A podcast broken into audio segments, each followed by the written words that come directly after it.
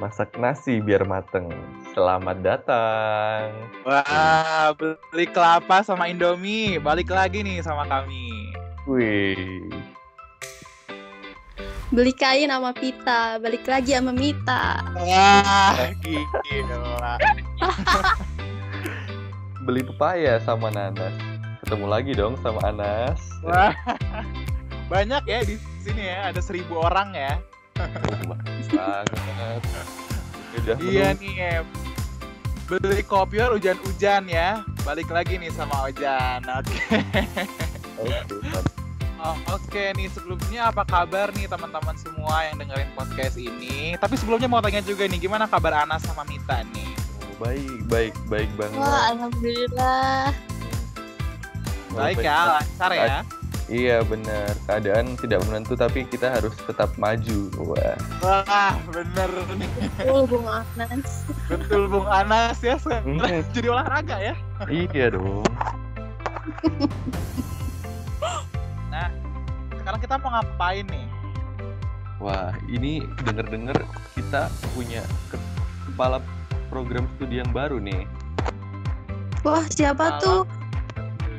Baru siapa tuh? Iya benar, siapa tuh? Yang berkenan untuk kita wawancara hari, hari ini yaitu Bu Mardiati. Gitu. Wah. Iya. Hmm, Oh, kepo banget sih, udah nggak sabar nih. Gimana Nas? pasti, pasti. Kalau gitu langsung aja gimana daripada berlama-lama. Ayo, ayo, ayo. Eh, Oke. Beli pecel pakai nasi. Cakep. cakep. Ini dia podcast Deformasi. Wah. Podcast Deformasi Kreatif, edukatif, menghibur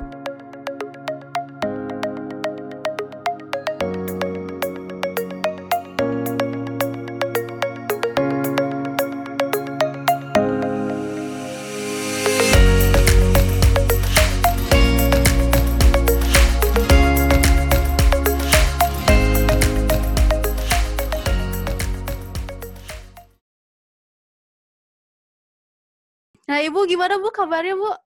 Selama tiga bulan, empat bulan ya, Bu? Pandemi.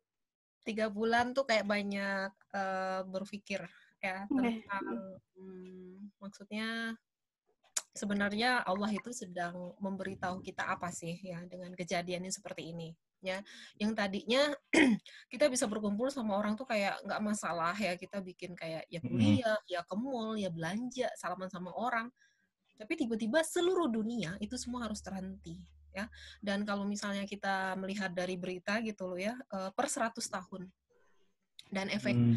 ada positif, ada negatif, tapi tergantung kepada sikap kita. Semua kejadian mungkin orang ngerasa sama-sama pandemi COVID-19 ya. Tapi kalau sikapnya berbeda, maka hasilnya berbeda. Ada orang yang depresi, ada orang yang menjadi semakin lebih baik gitu loh ya. Dan kita tinggal memilih harusnya seperti apa. Kalau menurut saya sih, dan eh, ini katanya memang berulang, artinya kan keteraturan ya. eh, Memang kayaknya alam itu diciptakan selalu teratur dan sebenarnya kita sebagai akademis itu kan melihat keteraturan. Kita nggak pernah nemuin sesuatu, tapi selalu tuh teratur dan berulang. Ya, itu sebenarnya yang kita suruh berpikir secara sistematis. Itu diajarkan alam kepada kita. Nah, 2020, kemudian 1920, 1820, yang ujungnya 20 per 100 tahun akan selalu ada pandemi yang seperti ini. ya. Jadi menurut saya ya emang udah takdirnya kita hidup seperti sekarang. Cuman eh, kalau kita ngelihat dari 100 tahun yang lalu, pasti ada juga dong orang yang mengalami seperti kita. Ada nggak orang yang dari situ yang menonjol? Maksud saya, apakah dengan kejadian ini dia mengutuk diri, mungkin marah sama pemerintah, marah mungkin mau marah sama orang Cina, mungkin marah sama orang Amerika karena kabarnya dari Amerika gitu loh ya. Ya, hanya Tuhan yang tahu gitu ya. Maksudnya itu kan semua kan biiznillah ya, semua terjadi kan atas izin Allah gitu. Dan kita kebetulan memang menikmatinya sekarang. Jadi ya mungkin sisi baiknya itu adalah kayak kayak kalau kita bilang tuh kalau mobil tuh turun mesin gitu loh. ya. Maksudnya kayak Hmm. shutdown kalau di pabrik tuh gitu berhenti bentar karena memang ada harus diperbaiki. Dan efeknya ternyata memang kepada kan eh, climate kita kan memang masalah ya. Maksudnya tuh kayak eh, apa eh, pemanasan global segala macam dan efeknya ternyata ketika ini melanda Cina, Cina itu langitnya menjadi lebih biru, polusinya berkurang karena kami setiap hari mobilnya tuh ngasih polusi ternyata enggak. Sama Jakarta juga yang polusinya tinggi eh, semua berhenti tapi efeknya ternyata mungkin. Jangan-jangan alam itu memang sedang recovery Karena kalau kita yang melakukan mungkin tidak mampu, tetapi begitu semua di stop, yang nyebabin kita sih, kita sebenarnya kan, gitu loh ya. Hmm. Dan tapi mungkin di sisi lain juga kayak semacam tantangan harusnya sih kita memang tidak menciptakan material atau segala sesuatu yang merusak lingkungan ya sehingga dia harus recovery-nya tuh dengan cara menghentikan semua kegiatan manusia yang menyebabkan itu gitu loh ya. Nah, itu mungkin secara global. Nah, kemudian kalau secara personal sih kalau saya pribadi berusaha banget untuk berpositif thinking ya. Karena sudah sebenarnya itu kemarin tuh jujur saja sih, eh, saya sedang ada sesuatu yang saya bangun dan memang lagi banyak kolaborasi dan uh, keluar ya sebenarnya. Maksudnya saya ada hubungan sama luar dan sekarang kan nggak boleh masuk ya karena di luar segala macam dan Iya. yang tadinya tuh kayak ambisius banget gitu. Maksudnya kayak targetnya tuh per hari ini berberot tuh, tuh udah udah semua. Tiba-tiba tuh kayak semuanya harus berhenti gitu ya. Maksudnya dan ya cuman sih ya hmm, akhirnya bekerja di rumah dan kebetulan ya, saya nggak tahu kenapa pas banget ya kita ketemu sama Ramadan Ramadan itu kan memang sebenarnya untuk refleksi diri ya gitu loh ya maksudnya memang lebih refleksi diri dan walaupun mungkin yang non muslim juga menurut saya juga tetap ikut libur lebaran kan maksudnya itu tetap gitu ya.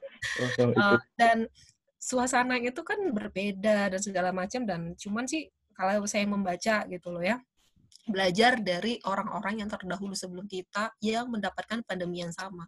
Itu justru katanya teori-teori yang mutakhir itu keluar ketika pandemi itu. Karena apa? Mereka memanfaatkan untuk mikir, untuk belajar, bukan untuk mengutuk hari atau duduk di depan Netflix gitu ya. Liatin drama Korea, drama ini, drama itu. Terus lu capek lu tidur, terus apa kayak kayak ngebuang waktu, ngebuang umur gitu. Tiba-tiba tiga bulan what have you done ya jadi lu udah ngelakuin apa gitu. Ngebuang umur kan. Sementara kan waktu itu berharga. Tapi di sisi lain juga ternyata kita butuh orang ya.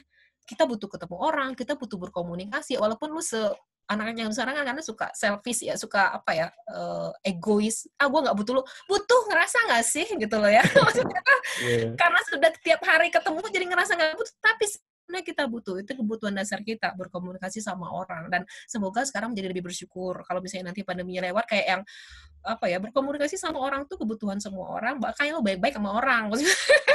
Jangan sampai bikin masalah segala macam. Nah jadi kalau saya sendiri sih berusaha untuk dan jujur sih selama apa ya eh, selama tiga bulan ini memang jadi kayak apa ya kayak eh, lebih banyak ke keluarga ya lebih dekat sama keluarga kan saya masih sama ibu saya sama mama saya jadi kayak lebih tahu lagi dan kemudian mengasah keterampilan masak ya jadi sebenarnya Udah masak apa aja, Bu? Udah masak, Masak apa, apa aja, aja, Bu? wah semuanya saya masak Semuanya.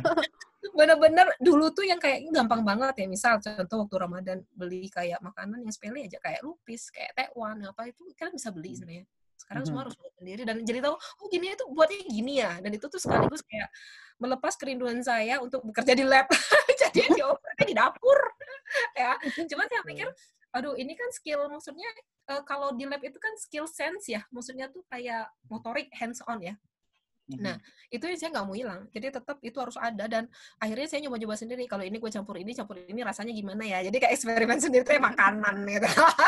dan dari situ pun akhirnya eh, banyak berinteraksi dengan YouTube. Jadi saya juga jadi tahu yang viral tuh ini apa segala macam tuh jadi kayak yang selama ini kayaknya nggak sempat juga ya untuk main medsos. Saya nggak pernah main medsos ya karena kayak wasting time. Sampai sekarang juga nggak main medsos. Tapi di YouTube dan perkembangan terbaru saya jadi tahu. Jadi kayak lebih ngerti mahasiswa saya itu adalah usianya di sekian, gaya mereka seperti apa itu jadi kayak eh, apa ya saya sendiri jadi kayak belajar saya harus menghadapinya seperti apa gitu loh ya. Eh, jadi ya kalau ditanya dan memang tapi tetap harus produktif sih. Jadi selama di rumah pun eh, justru lebih capek menurut saya. Saya bekerja itu benar-benar eh, banyak banget interupsi ya kalau di rumah ya gitu loh ya. Saya kan nggak punya studio sendiri gitu loh kagak. Tiba-tiba yang ini yang gitu apa gitu. Cuman akhirnya disyukurin aja semuanya dan gini jadi kayak tantangan kalau di kantor kita bisa bekerja dengan benar gitu ya. Harusnya di mana pun bisa dong kita memiliki dengan baik. Jadi saya lebih banyak kepada kayak personal development seperti itu dan juga akhirnya jadi kalau ngadepin situasi apa jadi tetap membaca kemudian juga berpikir tentang eh, apa ya banyak hal tentang material kayak sekarang oh ternyata dulu tuh sebenarnya ya jujur saja saya sempat punya penelitian tentang masker. Masker itu di tahun eh, 11 di tahun 15-an ya 2015 dan itu sempat mau eh, targetnya waktu itu mass production ya. Cuman waktu itu sempat terhenti ya dan itu saya bikinnya dari serat alam gitu. Dan dan saya mikir aduh gila kalau itu dulu saya teruskan sebenarnya kemarin itu kelangkaan masker di Indonesia itu bisa diatasi kalau kita bisa produksi sendiri.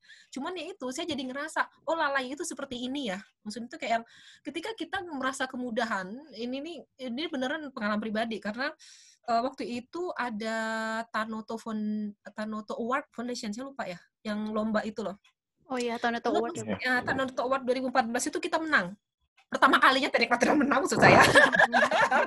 Itu saya mengangkat tentang bioplastik ya. Itu juara satu kita dulu.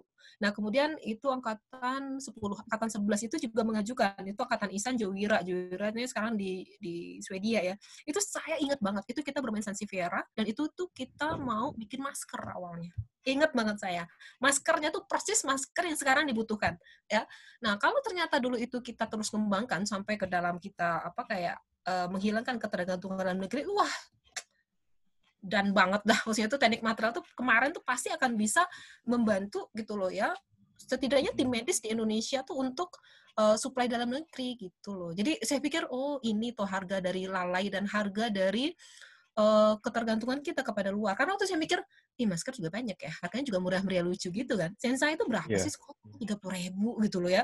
Nah saya jadi mikir oh ini rasanya lalai. Maksudnya tuh pada saat kita nggak pernah tahu ada kejadian apa di dunia dan hari ini tuh mana ada yang nyangka gitu ya. Yang nyangka tuh kita semua berdiam diri di rumah tidak keluar satupun gitu loh ya. Semua bisa menahan diri tidak keluar tidak berinteraksi bahkan juga orang dari kayak mall industri tuh ya pasrah juga gitu loh ya. E, ternyata bisa terjadi ternyata bisa. Dan ketergantungan terhadap barang impor yang sakit itu ternyata kita sendiri. Ya jadi hmm. e, jujur itu kayak kayak saya tuh kemarin kayak aduh agak-agak biasanya saya tidak pernah menyesali apa yang pernah saya lakukan tapi kemarin itu agak nyesal jujur aja aduh karena saya ngitung kalau seandainya produk itu jadi maka sebenarnya udah kita sudah produksi gitu loh ya. Nah makanya uh, untuk produk yang lain memang kebetulan ya di lab itu ada beberapa yang memang kita angkat akhirnya memang kita paksa komersil gitu dan ada sekali sudah berjalan untuk komersil. Uh, tetapi dengan adanya kejadian pandemi ini tuh kayak kayak menghentakkan saya gitu, memang nggak boleh apa ya kalau lagi lapang itu ya kalau lagi ada itu memang semuanya enak. Tapi kalau misalnya ya kalau kita memiliki sesuatu kan kita ngerasa punya tuh kalau lagi ada kalau lagi nggak ada baru ngerasa kehilangan kan. Dan yeah. itu yang saya rasakan ke mana banyak banget gila. Banyak hal yang maksudnya tuh yang ya ampun masa itu aja impor ini aja impor ya kayak mana APD sarung tangan apa segala macam. Ih 300 juta loh kita itu. Hmm dengan bahan baku yang kita punya sendiri. Kita orang material. Gitu dan dan aku tuh sempet juga waktu itu megang itu. Akhirnya saya larikan ke filter AC ya. Filter AC kemarin yang masih S3 saya ada. Dan akhirnya saya berpikir, oke okay, ini, ini pelajaran. Bahwa memang pada saat gampang uh, kayak kita ah beli aja beli aja kan kadang-kadang mindset pemerintah kan seperti itu juga ya gitu loh bukan hanya pemerintah saya kadang nanya juga sama beberapa dosen maaf gitu ya saya nanya pak perlu nggak sih ini kan kita masih impor ah, beli aja mental masih gitu loh ya. Dan jujur itu juga sempat uh, mindset saya kemarin sempat seperti itu kayak ah ini kayaknya masker tuh banyak ya. Maksudnya tuh kayak yang gue beli tiga puluh ribu dapat sebanyak itu tiba-tiba harganya jadi bisa puluhan juta kan kemarin gitu loh Wah, gila banget dan itu sampai saya ada mendengar beberapa kasus kemarin kayak apa ya abal-abal gitu ya maksudnya itu yang bisa pesan sampai seribu kotak harganya segini uangnya sudah ditransfer jadi kayak penipuan modus gitu banyak hmm. sekali gitu ya sampai di timbun-timbun banyak ya bu ya ya ya ditimbun-timbun. Kemudian makanya ada kebijaksanaan pakai masker kain gitu loh ya. Hmm, dan baru yeah. deh sekarang bingung itu masker diapain. Makanya jadi orang yang bener gitu ya jangan jahat ya. Tapi ibu ngomong-ngomong nih ya bu. Um, uh, menurut ibu sendiri nih kan mas uh, semua di dunia ini tuh kasarnya ada gak ada lah yang nggak perlu ilmu materi gak, di, gak, di, gak bisa dibahas dari ilmu materialnya. Pasti bisa dibahas gitu ya Hmm. Nah, menurut Ibu gimana sih um, pandangan Ibu mengenai teknik material dulu uh, sampai sekarang tuh gimana? Ada perbedaan kah dari yang sebelum-sebelumnya sampai yang sekarang ini gimana? Menurut Ibu pandangan Ibu? Kita mau bicara teknik material ITB aja, gitu kan ya? Atau teknik material se-Indonesia, kan beda ya? Oh gitu? Um, oh beda. Jawabannya bisa beda. Uh, yang mana nih? Um, yang uh, umum yang, yang umum, umum di Indonesia berarti Bu ya. Oke, okay. mungkin kita berawal dari yang umum, kemudian kita baru ke ke dalam negeri kita sendiri gitu ya. ya. Kalau secara umum kan teknik material itu nggak sampai 10 ya jurusannya kan di Indonesia ya. Ada UI, ITB, eh, kemudian ITS, itu pun namanya bukan teknik material. Hanya teknik material itu hanya ITB. Yang lain itu adalah metalurgi dan material, atau material dan Iya. metalurgi gitu ya. Kemudian Unjani yang barusan ada juga ITSP, kemudian Untirta ya rasanya nggak sampai 10 ya. Dan itu baru semua. Kalau saya melihat kan ada juga ya lulusan dari UI, dari ITS, eh, kemudian dari yang lain itu S2-nya misalnya di ITB gitu loh ya. Nah, kalau saya melihat dari eh, kurikulumnya mereka, penekanan itu sebenarnya logam, metalurgi gitu loh ya. Dan kita pun akhirnya gitu juga. Metalurgi kan kita punya di teknik pertambangan, material kan kita punya, tapi itu kan skupnya beda. Metalurgi itu kan ibaratnya itu hulu ya. Kita hilir dari tengah ke hilir dan itu tuh beda menurut saya gitu. Dan kalau disatuin pun jadi kok semuanya gitu loh ya. Maksudnya itu kayak harusnya kan masing-masing tuh kan punya porsinya. Nah, kalau misalnya jujur-jujuran saya melihat silabus dari apa namanya kayak UI katakanlah sorry saya sebut brand ya atau ITS gitu. Karena kan banyak juga tuh yang mahasiswanya kemudian ngambil S2 di ITB dan kemudian saya menjadi kayak uh, untuk ujian USM-nya, untuk ujian seharian masuk ya. Nah, itu rata-rata penekanan itu ke logam sebenarnya. Ya, mata kuliah seperti polimer dan komposit kebetulan karena saya memang mem- memegang polimer dan komposit itu menjadi salah satu concern saya dong. Itu mereka selama empat tahun itu hanya 2 sampai 3 SKS. Semuanya digabungin polimer komposit. Ya, artinya apa? Teknik material di Indonesia sebenarnya menekankan kepada metalurginya dan logam. Tapi kalau kita lihat hari ini, ya, material apa sih sekarang yang banyak sekali mensubstitusi logam? Ya kan? Jawabannya adalah polimer dan komposit. Ya, itu kenyataannya hari ini, bukan karena itu bidang saya saja, bukan. Coba buka mata yang kita kita berpikir, kita melihatnya itu secara objektif, ya. Nah, itu alasannya akhirnya makanya saya kembali ketika saya kembali dari Jerman, itu alasannya Eh, karena saya melihat ketika di Jerman advance material dan aplikasi teknologi tinggi itu tuh ya mainannya ya di polimer dan komposit gitu loh ya menurut saya gitu. Nah, ketika kita mendidik mahasiswa, kalau saya berpikirnya gini, anak ini hidupnya di mana gitu. Anda bekerja itu adalah di 10 20 tahun ke depan. Ya enggak? Apa yang dipersiapkan untuk mahasiswa 10 tahun ke depan ketika dia bermain, ketika dia akan menjadi pemegang eh, keputusan. Harusnya kan ke sana ya. Kalau saya masih ngajarin yang jadul hari ini, walah habis deh. Ya nggak akan maju-maju kita. Gitu loh. Dan itu alasannya kenapa akhirnya eh, apa namanya? Anda termasuk angkatan yang mungkin ya cukup beruntung menurut saya yang mana kurikulumnya udah kita ganti. Dulu ketika di teknik material sendiri pun logam itu sangat dominan. Mungkin saya bilang 90 persen. Lah di 80 persen itu ilmunya logam semua. Karena memang kebetulan sekali dosennya memang teknik material di ITB kan pecahan dari tekprod ya dari teknik mesin kemudian tekprod teknik produksi ya karena ada bagian material itu pecah lagi ke material. Makanya sebagian besar itu adalah logam. Dan uh, dulu sebenarnya Bu Tata Surdia itu juga uh, istri dari Pak Tata Surdia ya. Jadi yang foundernya, foundernya teknik material itu mereka berdua. Bu Tata itu sebenarnya dos, uh, profesor di kimia, ya dulu dosen saya juga itu. Itu sebenarnya sudah mencanangkan untuk polimer apa segala macam, tapi masih kurang waktu itu SDM-nya gitu. Nah makanya ketika saya pulang bahannya kosong, akhirnya ya udah ganti semua kan. Lihat ya sekarang tuh porsinya jadi kayak sepertiga sepertiga sepertiga ya. Walaupun dulu sebenarnya gue semua yang megang gitu, tapi nggak apa-apa. Sekarang apalagi sudah ada dosen muda yang uh, Ricky Biomat apa segala macam, saya pikir itu bagus ya. Jadi istilahnya teknik material tuh bukan logam aja gitu. Jadi ya kalau misalnya memandang teknik material itu secara Indonesia, saya masih bisa bilang bahwa sebagian besar teknik material itu masih metalurgi dan logam fokusnya ya. Tapi e, kalau untuk di teknik material ITB sendiri, kalau saya lihat ya e, ini udah mulai. Mungkin anda ngerasa sendiri ya, anda ngerasa sendiri. Kalau anda tidak percaya, coba anda tanya kakak kelasmu. Ya, kakak kelasmu itu terakhir di angkatan sekitar angkatan Stephen itu 2008, 2009 ya, sekitar itulah. Coba tanya, mereka belajar nggak polimer? Gitu. Atau kalau ditanya, dulu belajar polimer taunya apa? Jawabannya itu cuma dua. Oh ya, gue tahu adisi dan kondensasi. Dah. Serius, polimerisasi adisi dan kondensasi, iya beneran. Karena dulu saya survei gitu ya, kayak masalah waktu itu pernah ya ada anak angkatan berapa kembali lagi ke kampus terus nanya, dan saya lagi diskusi ya sama siswa saya tuh kita ngomong tentang plasticizer, kita tentang apa uh, bagaimana mempengaruhi struktur bercabang tuh kayak ngelongok gitu. Ibu ngajarin apa sih?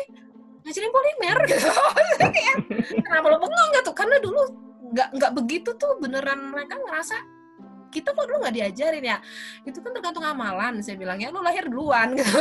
Jadi ya ya udah gitu. Maksudnya kan memang ya tergantung ya memang memang seperti itu. Tapi seenggaknya sih eh, sekarang kan udah eh, ada keramik ada polimer ada logam ada komposit dan eh, menurut saya di material tuh sudah mulai terwarnai seperti itu ITB ya. Iya. tapi kalau misalnya untuk yang eh, kemarin itu saya ngajar mahasiswa S2 kan, itu ada lulusan UI sama ITS ya. Itu juga saya nanya dong ke mereka belajar apa aja, tapi beneran. Jadi bener-bener yang saya ajarin tuh makanya sekarang saya ngajarin mahasiswa S2 agak, agak susah ya karena wah, saya tuh harus mengulang lagi kepol matpol prospol. Jadi bener-bener kayak aduh gila ma- ada mahasiswa S2 nggak sini nggak ada ya? Nah, jadi aduh kayak saya tuh kayak jadi ngajarin harusnya kan S2 lebih advance ya tapi ini jadi Iya. saya nggak mundur lagi gitu loh ngasih dasar-dasarnya dan mereka juga kayak wah bu ngajarnya sampai sedalam itu ya memang ini fenomena struktur dan sifat gitu ya jadi kalau kemarin pada tersiksa belajar ke polimer percaya itu berguna ya Ya Bu. Sama ngomong-ngomong Bu, Ibu kan dulunya eh, dari mahasiswa kimia, tapi dalam keberjalanannya lebih mendalami ilmu material.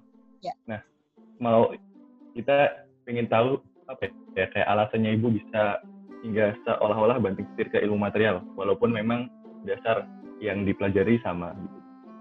Oke, sebenarnya eh, dulu memang saya eh, itu karena dari kecil tuh saya suka masak, bukan masak, cobain resep. Dan ada target loh. SD itu kayak satu buku ini harus habis saya coba dan itu di setiap hari Rabu dan hari Sabtu. Ya saya cobain dan itu saya campur-campur sendiri. Kalau nggak enak gue paksa abang gue makan.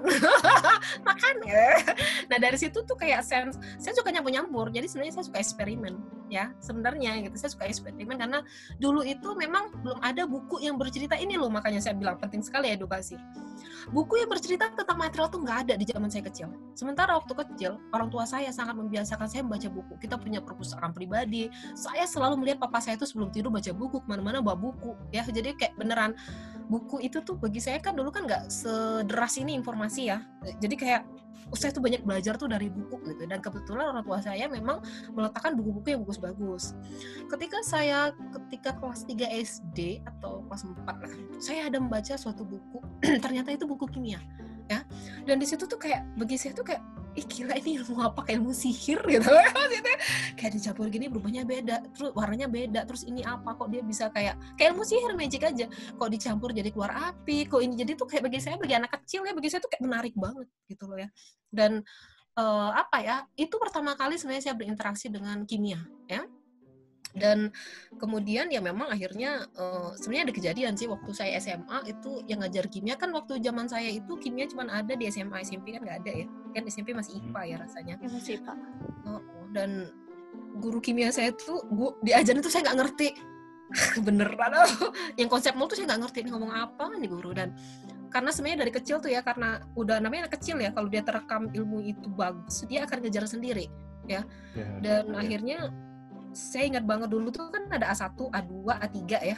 Ada pemrograman ketika naik kelas 2 SMA ya. A- Kalau s- kemarin IPA IPS kali ya. ya. Kalau dulu tuh ada A1, A2, A3. A1 tuh fisika, A2 itu biologi, A3 tuh adalah IPA, A4 tuh bahasa. Tapi bahasa biasanya ini. Nah, saya tuh pengen masuk A1. Otomatis dong, eh, kimia saya nggak boleh kurang dari 8 angkanya ya gitu karena saya termasuk di sekolah yang favorit juga akhirnya ya udah saya beli semua buku saya belajar sendiri otodidak dan akhirnya saya bisa ngerti kimia tuh karena saya belajar sendiri tapi awalnya saya bersyukur banget sama orang yang membuat buku itu ketika waktu kecil tuh saya sudah di otak saya tuh sudah ada mindset bahwa ilmu kimia itu keren gitu loh Hmm. Ya. Nah, Iya. itu loh maksud saya. Ketika Anda mengedukasi ini, Anda nggak pernah tahu loh, Anda menyentuh siapa ya dengan broadcasting Anda ya. Dan itu tuh kadang-kadang kayak jadi bekal merubah jalan hidup seseorang. Nah, saya ingat banget ketika saya di Jerman itu ya, itu ada tugas untuk mahasiswa S3. Itu kayak semacam summer fest bukan kalau musim musim panas lah katakan. Ada beberapa kota tuh yang punya tradisi di sentrum di pusat kota itu kayak ngebuka stand dan di stand itu anak-anak SD itu boleh nyobain apa-apa gitu loh ya. Nah, saya pernah waktu itu dapat tugas di sana, namanya itu adalah food chemistry. Jadi kayak sebenarnya mengenalkan ilmu kimia tapi lewat makanan. Kayak tadi ya dicampur warna Hmm. segala macam dan Hmm. itu tuh Iya. memang untuk menarik interest mereka ke bidang penelitian, ke dalam bidang keilmuan gitu loh ya. Jadi bukan disuruh main berenang di dalam bola gitu enggak. Jadi di negara-negara maju tuh dari kecil tuh anak-anak sudah ditarik gitu loh ya untuk uh, kenal suka sama ilmu. Dan bahkan saya ingat banget ada salah satu yang profesor yang sangat aktif di sana, yang sangat produktif. Suatu hari diwawancaranya kan di Max Planck Institute ya. Saya kebetulan di Max Planck Institute for Polymer Forschung. Jadi Max Planck Institute untuk riset polimer. Jadi memang khusus untuk polimer di Jerman itu ada salah satu yang produktif kan mereka kadang-kadang suka ngeluarin kayak newsletter gitu loh ya. Jadi kayak berita untuk dalam. Nah dia diwawancara gitu loh. Kenapa sih dia suka? Dan dia tuh bisa bekerja itu kayak luar biasa banget sehingga publikasinya segala macamnya itu banyak sekali. Dan dia memang menetapkan dirinya untuk menjadi mengenal ilmu kimia itu dari SD gara-gara yang kayak tadi itu loh. Jadi anda anda kebayang nggak betapa pentingnya kita itu kayak kita nggak pernah tahu gitu loh di otak siapa ini nyangkut dan itu akan berubah masa depan dia dan dia menjadi orang yang sangat profesional di sana.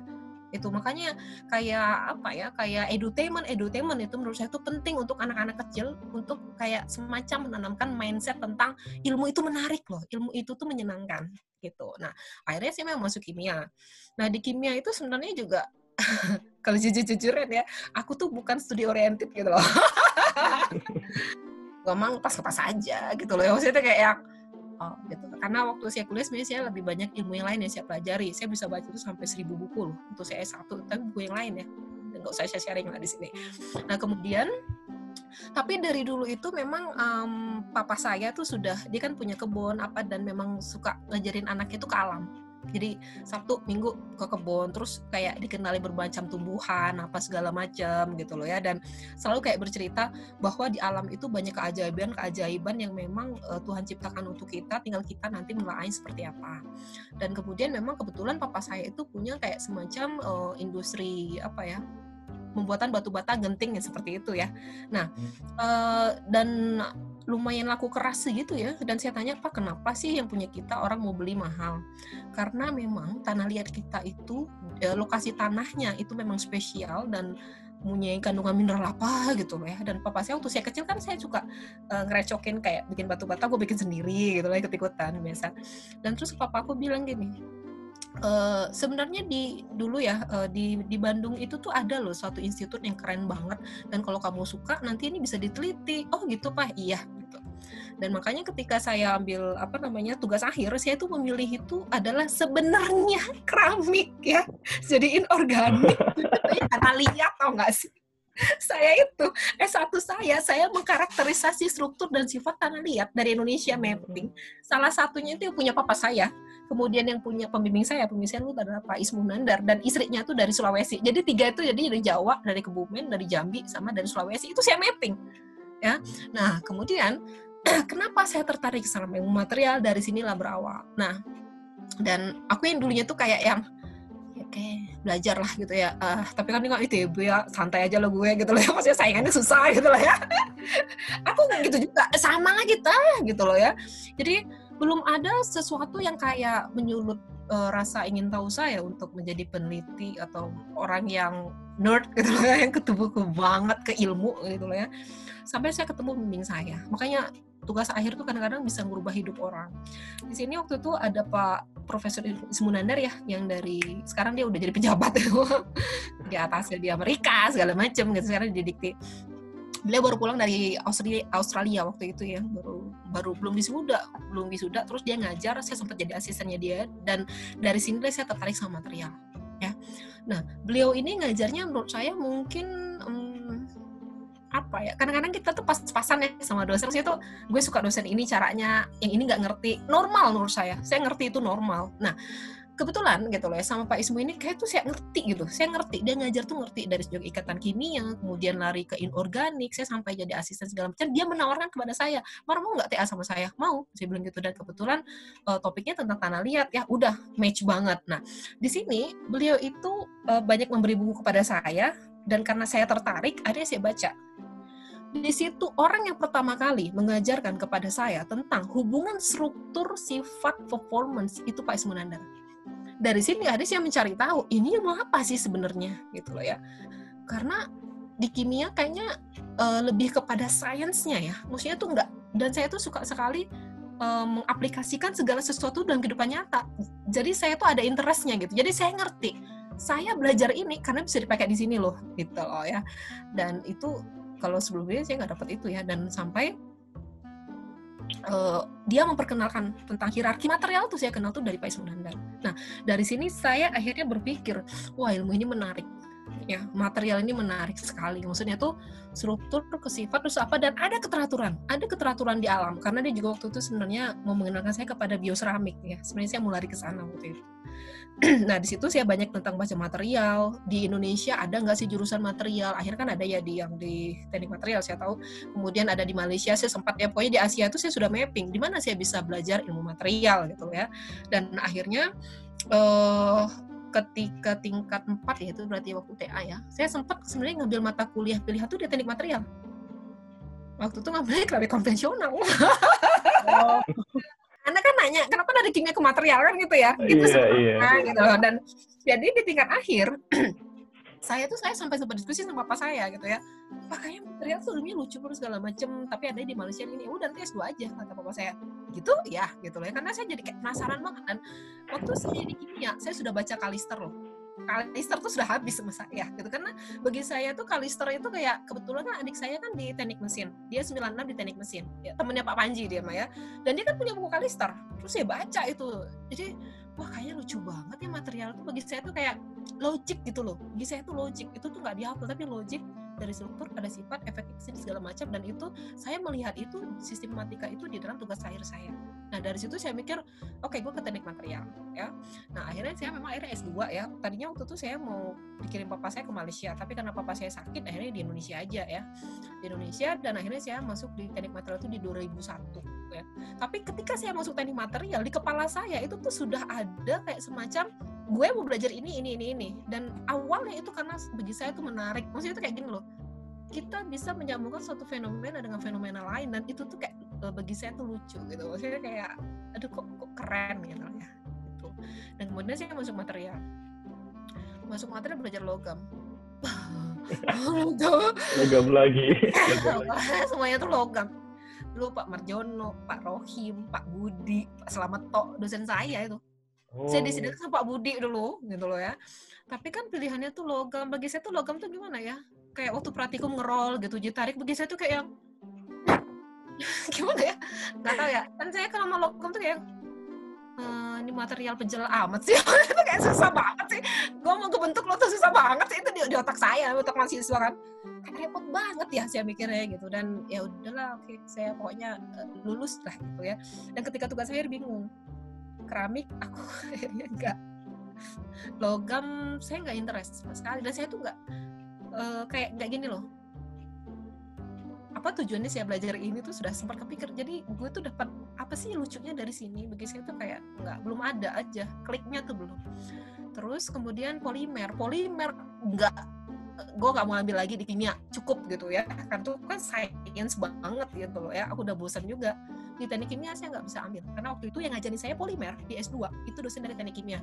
Aduh semaput banget deh. Beneran nggak nggak lah gitu ya sampai akhirnya ada teman saya dosen nih anak-anak ambis lah anak S2 ya ada dosen di ITS sama satu lagi dia calon dosen juga.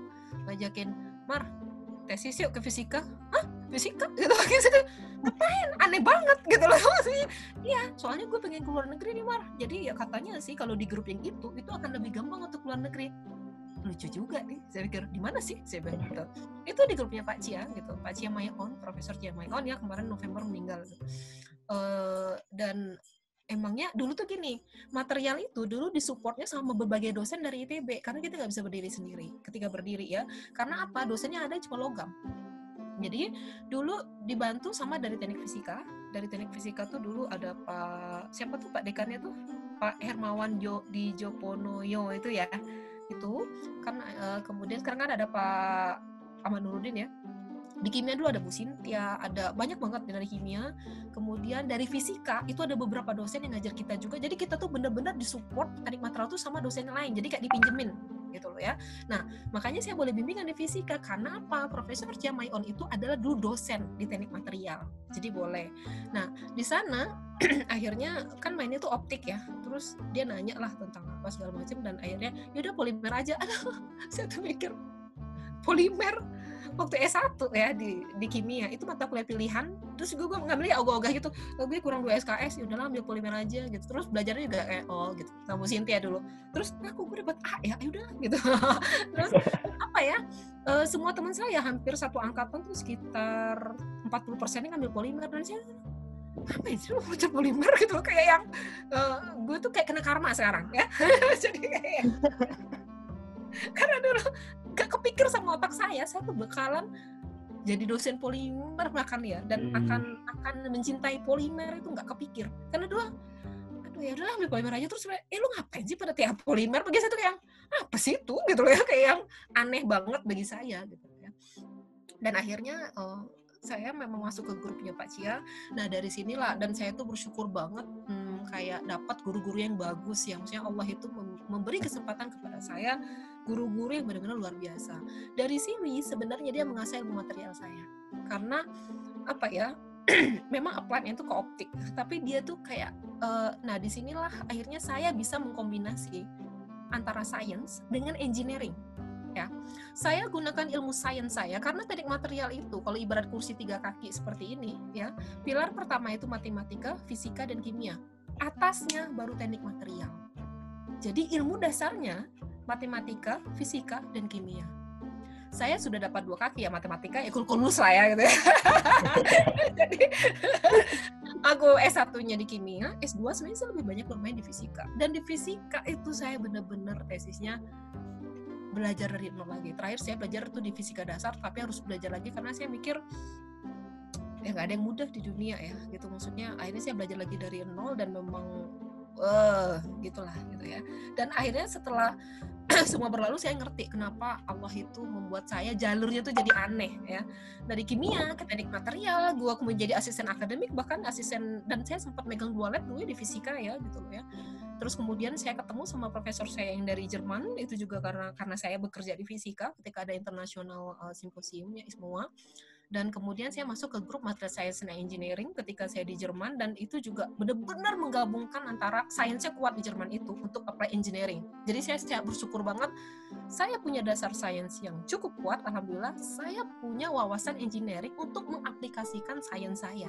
Karena kalau hanya di MIPA saja itu berhenti sebagai fenomena keilmuan. Tetapi panggilan dari diri saya sebenarnya itu adalah ilmu ini dipakai buat apa? Apply-nya itu ke engineering gitu. Jadi apa ya saya merasakan semua step itu jadi kayak mengkombinasi gitu jadi ya memang harus seperti ini perjalanannya gitu jadi ya walaupun dasar saya kimia tapi kimia itu mensupport material dan saya bergabung walaupun kemarin saya di fisika tapi sebenarnya lebih banyak menggabungkan sainsnya basisnya ketika kita meneliti itu adalah ilmu sainsnya applied-nya itu engineeringnya gitu. Baik Bu. Eh, tadi kan dengar cerita Ibu dari mulai SM apa dari bahkan dari SD, SMP, SMA, SM eh, sampai kuliah tuh Bu ya. Nah, Hmm. kira-kira kan banyak ya Bu sosok yang eh, tadi ada Bapak Bapak Ibu tuh yang bisnis genting. Terus ada juga Bapak yang fisika profesor itu. Nah, Hmm. kira-kira sosok yang menginspirasi Ibu jadi seperti sekarang itu kayak gimana tuh Bu? Siapa tuh Bu? Terus ada peristiwa apa? Mhm. Saya rasa sih semua ya, maksudnya tuh eh, semuanya itu kayak memang Allah kirimkan untuk saya belajar gitu loh ya. Tapi masalahnya satu sih, ketika mereka ngajarin gue ngikut gitu loh. ya, eh, karena katanya gini, ketika murid itu siap, guru itu akan datang. Itu prinsipnya di alam ya. Nah, kalau misalnya tentang eh, ilmu alam, maksudnya sesuatu yang kembali ke alam, kan sebenarnya saya bermain itu di natural polymer ya sebenarnya ya. Itu terus terang yang memperkenalkan saya sama alam pertama kali itu adalah ayah saya ya. Jadi dia tuh kayak ah, dia tuh kayak men-trigger kita tuh menjadi engineer gitu loh. Jadi misalnya gini waktu itu lagi panen durian misalnya gimana cara ngikat durian ini? Kita nggak punya tali. Pakai peralatan yang ada di sini. Jadi kayak men-trigger kita tuh mikir gitu how to solve the problem dan tapi apply pakai apa ya pak? Karet apa enggak akhirnya diambil dicontohin. Ada macam-macam solusinya. Bisa dari kayak pelepah apa namanya itu daun pisang itu kan bisa dijadikan tali. Atau bisa dari akar apa segala macam. Dari situ tuh membentuk kayak saya kayak apa ya kayak apa yang bisa kita gunakan untuk mensolve problem kita tapi pasti dari alam tuh sudah tersedia gitu loh sudah tersedia. Dan dia juga yang kayak uh, dia suka kayak herbal gitu dan segala macam itu pokoknya banyak bercerita tentang kembali ke alam gitu tuh sebenarnya inspirasinya dari ayah saya. Kemudian juga kayak hmm, jadi dosen terus terang sih dari ayah saya. Ayah papa saya tuh sebenarnya dia uh, pejabat sih sebenarnya ya. Dia pejabat sebenarnya di daerah saya tapi dia itu juga kayak dosen terbang gitu. Dia tuh ngajar kalau sekarang kan STPDN, kalau dulu APDN, kemudian di universitas berapa universitas tuh dia pegang gitu loh ya. Uh, terus juga sampai-sampai saya tuh kayak punya jadi rektor gitu ya kalau saya kembali ke sana terus gue nggak mau gitu. ya, jadi, ya, jadi kalau masalah sosok tentang uh, pendidikan atau dosen saya dari kecil tuh pilihan saya cuma memang dua kalau saya nggak jadi peneliti itu adalah saya uh, menjadi dosen itu cuma dua aja gitu loh ya. Nggak ada yang lain. Dari kepala dari kecil kepala saya memang cuma itu aja. Dan meneliti itu bagi saya itu bereksperimen itu menyenangkan sekali karena apa? Kebetulan juga mama saya itu tidak melarang ketika kita nyabur tepung ini. Apa segala saya tuh bereksperimen dengan kue gitu katakanlah ya. Gagal nggak gagal tuh mereka support. Makanya di sini itu keluarga itu kadang-kadang membentuk fondasi hidup seseorang. Karena di sini ketika saya nyoba saya punya resep kue saya, saya punya target dicobain semua mereka mau menyediakan maksudnya peralatannya terus juga nggak langsung dipatahin semangatnya gitu apa sih ini bikin apa sih? Enggak gitu. Jadi kayak disupport seperti itu dan saya sangat bersyukur. Jadi orang tua saya pasti tapi kalau misalnya masalah berpikir terstruktur alasan segala macam itu papa saya sebenarnya. Ya itu. Karena memang beliau juga termasuk yang oke okay ketika dulu kuliah ya. Itu. Nah kalau guru sebenarnya pembimbing saya S1, S2, S3 itu tuh semuanya tuh benar-benar memberi inspirasi buat saya. Uh, waktu S1 Pak Ismunandar itu sebenarnya yang membuka wawasan saya tentang ilmu teknik material. Kalau Pak Cia itu yang kayak apa ya mendidik saya tentang kinerja profesional, kemudian juga uh, intinya itu mempersiapkan saya ketika saya harus keluar negeri. Nah, ketika saya di Jerman itu saya ketemu sama sosok yang wah ini luar biasa banget karena saya adalah murid terakhirnya, murid S3 terakhirnya karena waktu itu dia mau pensiun ya. Maksud saya S3 full nih, bukan hanya sandwich enggak. Dan saya satu-satunya murid perempuannya dia. Dan gue dulu saya susah. susah banget lulusnya saya tuh sampai ngeluh prof harus gini ya maksudnya di Jerman tuh harus gini ya iya jadi ada beberapa tahapan dalam pendidikan di sini. Satu, lo testing dulu enam bulan. Yang kedua, ketika lo kerja di lab. Ketiga, lo nulis. Keempat, itu ketahanan lo ketika memang lo dipres seperti ini. Gue dulu juga sama bos gue juga seperti itu. Tetapi sosok orang Jerman di sini saya lihat, itu tuh dia memang agak beda sih ya. Sopan banget, baik. Itu kayak orang timur banget gitu loh ya. Dan apa ya sih yang melihat tuh kayak dan seimbang hidupnya antara olahraga apa segala macam dan uh, sangat terstruktur dia maksa saya untuk mikir terstruktur segala macam jadi memang rapi teliti dia juga terjun ke lab gitu loh ya dan banyak jujur banget yang yang benar-benar membentuk akhirnya uh, tempaan terakhir saya itu sama Profesor Bubek itu. Saya banyak sekali belajar banyak hal walaupun dulu juga nangis nangis jujur aja sih. Kayak kayak yang gila nih gue sesuai apa enggak sih? Sesuai apa enggak sih? Ada aja masa-masa desperate seperti itu. Cuman gini jangan pulang sebelum gua gelar. Itu aja sih. Uh. lo pulang. oh, tapi sempat kepikir aduh gila apa gue pulang aja ya? Dengan kadang ngapain sih lu, lu pengen di Jerman? Gitu. Sempet sih. Maksudnya kayak gitu-gitu tuh wajar normal. Makanya kalau saya juga ngeliat mahasiswa kayak gitu itu bagian dari hidup. Ya masalahnya ketika lo jatuh mau naik lagi nggak gitu. Karena sebelum saya ke Jerman, saya tuh sudah di mindset saya tuh sudah tahu gue ke Jerman, gue pulang harus dapat ilmu apa gitu loh ya. Yang jelas sesuatu yang negatif dari Jerman saya nggak mau ambil. Tetapi di sana untuk belajar tuh oke okay banget ya. Apalagi di sana itu uh, kalau susah pasti ya. Karena di sana kan banyak banget ya Nobel Prize winner ya dari sana. Dan saya berharap profesor saya itu mungkin masih kayak uh, tersentuh lah situ sama orang-orang yang pernah. Jadi kakek guru gue jangan-jangan Nobel Prize winner ya. Jadi kayak the way of thinkingnya nular. Tapi saya belajar di sana tuh dan sistem manajemen membangun apa dan uh, bukan masalah optiknya aja karena ketika saya sampai ke Indonesia itu nggak bisa saya gunakan. Barangnya mahal banget gitu. Tetapi adalah the way of thinkingnya gitu loh. Kerangka berpikirnya ketika harus paham ilmu itu seperti apa membuat itu terstruktur seperti apa bersabar dalam belajar membangun fondasi step by step segala macam itu saya benar-benar belajar itu di Jerman. Tetapi sebenarnya itu sempat juga disampaikan ketika saya di yang Profesor Chiamayon itu ya itu gitu. Dan ya gitu. Jadi saya bersyukur banget. Ya saya ketemu sama pembimbing yang bagi saya itu kayak turning point semua ya turning point semua gitu loh. Jadi yang membuat saya tuh bertahan dan akhirnya saya dulu jujur aja nggak kepikir juga sampai uh, dokter ya sampai ke Jerman tuh kayak Hah? gitu. Kayak ah gue tamat nanti juga nikah aja punya anak cukup gitu loh. Iya beneran gitu. Tapi uh, cuman di, di titik-titik persimpangan itu saya selalu berdoa ya Allah ini yang mana? Gitu.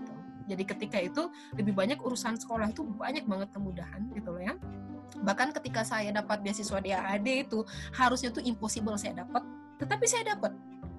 Gitu karena memang ya pengennya sih memang uh, saya pikir di dunia ini siapa sih negara-negara keren paling keren engineer siapa? Jerman kan dan saya tahu di Jerman tuh susah karena adik saya juga di Jerman. Dulu bahkan adik saya tuh bilang bang gak usah ke Jerman deh Malaysia aja. Dia bilang gitu.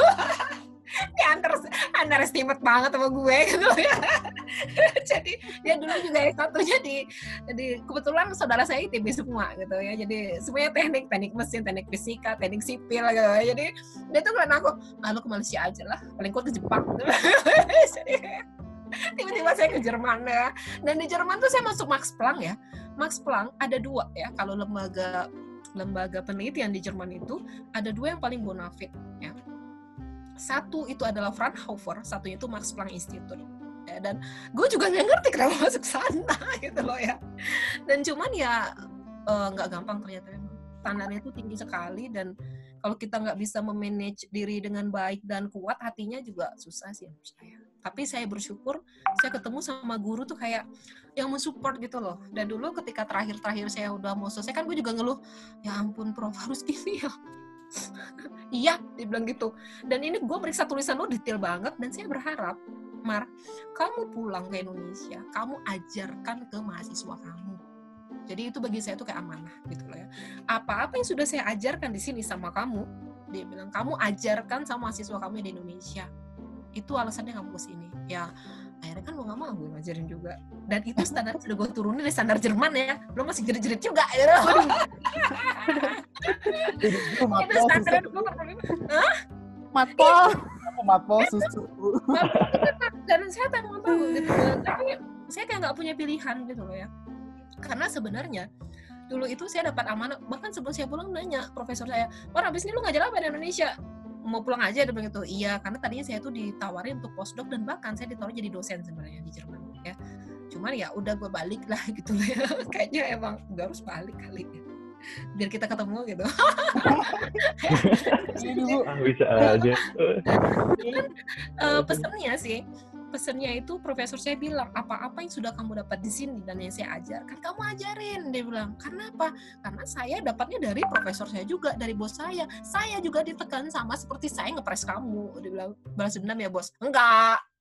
Ngalurin dia makanya kayak presentasi sama dia aduh mampus deh. Karena yang ngajarin maksudnya yang memberi kayak training presentasi di Max Planck itu profesor saya. Jadi aduh gila. Presentasi sama dia tuh nggak ada satupun slide saya yang lolos sama dia pas awal-awal ya cuman ya gimana ya maksudnya gini ya berpikir positif aja. Harusnya kan kita syukur ya kita belajar sama yang bener expert. Berat ya pastilah. Kalau gampang ya gampang juga ininya. Menurut saya standarnya gampang juga gitu. Jadi ya kayak semacam di sini tuh saya kayak belajar gimana ya ya bersyukur ketika kita dapat guru yang bagus. Tetapi memang butuh kerja keras butuh konsisten gitu ya. Untuk ilmu itu nggak nggak gampang juga tapi percaya deh. Ketika itu lewat itu kita kayak semacam sudah ditempa dan itu terpakai. Saya ngerasa banget semua yang diajarkan ya dulu gue sempat ngomel-ngomel juga ya ampun ini tulisan semua merah. Wah mampus banget lah rasanya itu yang bener tuh yang gimana sih? Itu tuh kayak kayak semua salah gitu loh ya Nah, tapi saya jadi ngerasain ketika saya pulang ke Indonesia, ilmu itu beneran. Jadi gue kalau misalnya masih bimbingan gue, jebret, jebret, jebret, mereka pada cemberut.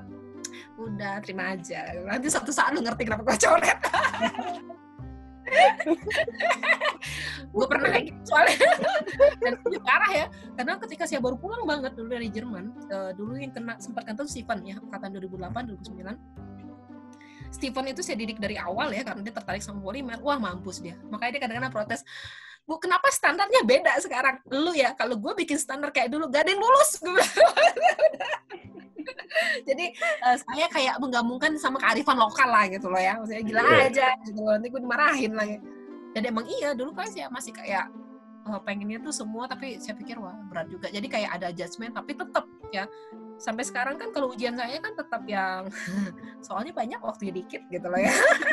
Dan soalnya itu benar-benar gue pikirin gitu loh. Ada applied, ada sainsnya, tapi ada engineeringnya, ada aplikasi, ada logika. Dan kadang-kadang kalau meriksa ujian tuh suka males juga banyak. Tapi itu ya udah, ya untuk mahasiswa juga sih. Wah, gimana tuh? Asik banget gak sih wawancara sama Bubar tadi? Iya nih, seru banget pastinya, Nas. Nih. Mm-mm. Tapi, tapi lo ya, sebenarnya masih ada lagi loh yang kita obrolin bareng Bumar. Mau Wah, tahu? masih ada ya? Mm-mm, mau tahu kelanjutannya? Mau dong. Nah, yuk dengerin terus episode selanjutnya dari podcast Deformasi.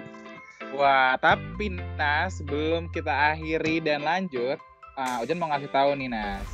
Ya, Jangan lupa follow Instagram kita di @deformasi.mtm. Follow juga Instagram Cim kita di @cimstagram.official dan subscribe juga nih YouTube kita di Deformasi MTM ITB. Oh, menarik Tuh. tuh.